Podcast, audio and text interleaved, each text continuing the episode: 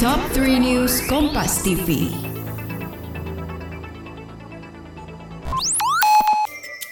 Hai moms and dads, suka bingung untuk curhat masalah keluarga atau mau denger tips and trik terbaru soal dunia parenting? Mau tahu jawaban langsung dari expert dan psikolog terkait masalah keluarga kamu? Gak usah bingung moms and dads, sekarang udah ada podcast obrolan meja makan. Podcast kolaborasi Nakita, Nova, dan Medio by KG Media yang akan membahas mengenai orang tua, rumah tangga, hingga perkembangan si kecil. Yuk dengerin podcast obrolan meja makan persembahan Nakita, Nova, dan Medio by KG Media hanya di Spotify. Halo sahabat Kompas TV, bertemu lagi bersama saya Dea Davina di Top 3 News Kompas TV. Saatnya kita update tiga berita terpopuler yang terjadi hari ini hari Rabu 16 Februari 2022. Berita yang pertama, sahabat Kompas TV, Polres Metro Jakarta Selatan membenarkan seorang wanita yang tewas bunuh diri di apartemen Kalibata City merupakan seorang model bernama Novi Amelia.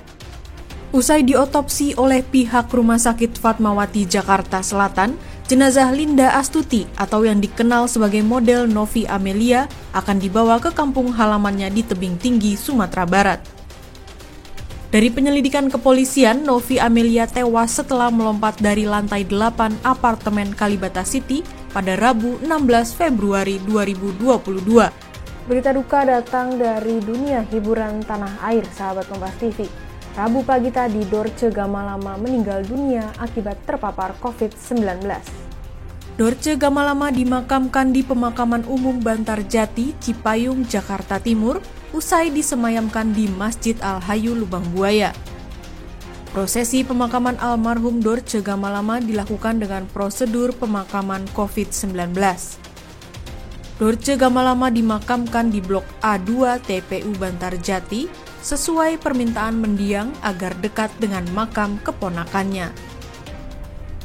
Yang terakhir, sahabat Kompas TV, Aliansi Buruh Sejabotabek pagi tadi menggelar aksi unjuk rasa di depan kantor Kementerian Ketenagakerjaan.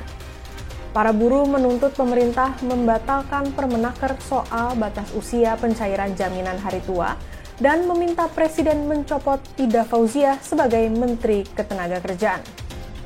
Dalam unjuk rasa ini, buruh menolak aturan jaminan hari tua atau JHT yang baru dapat dicairkan di usia 56 tahun. Kebijakan ini dinilai sangat merugikan, khususnya untuk kaum buruh.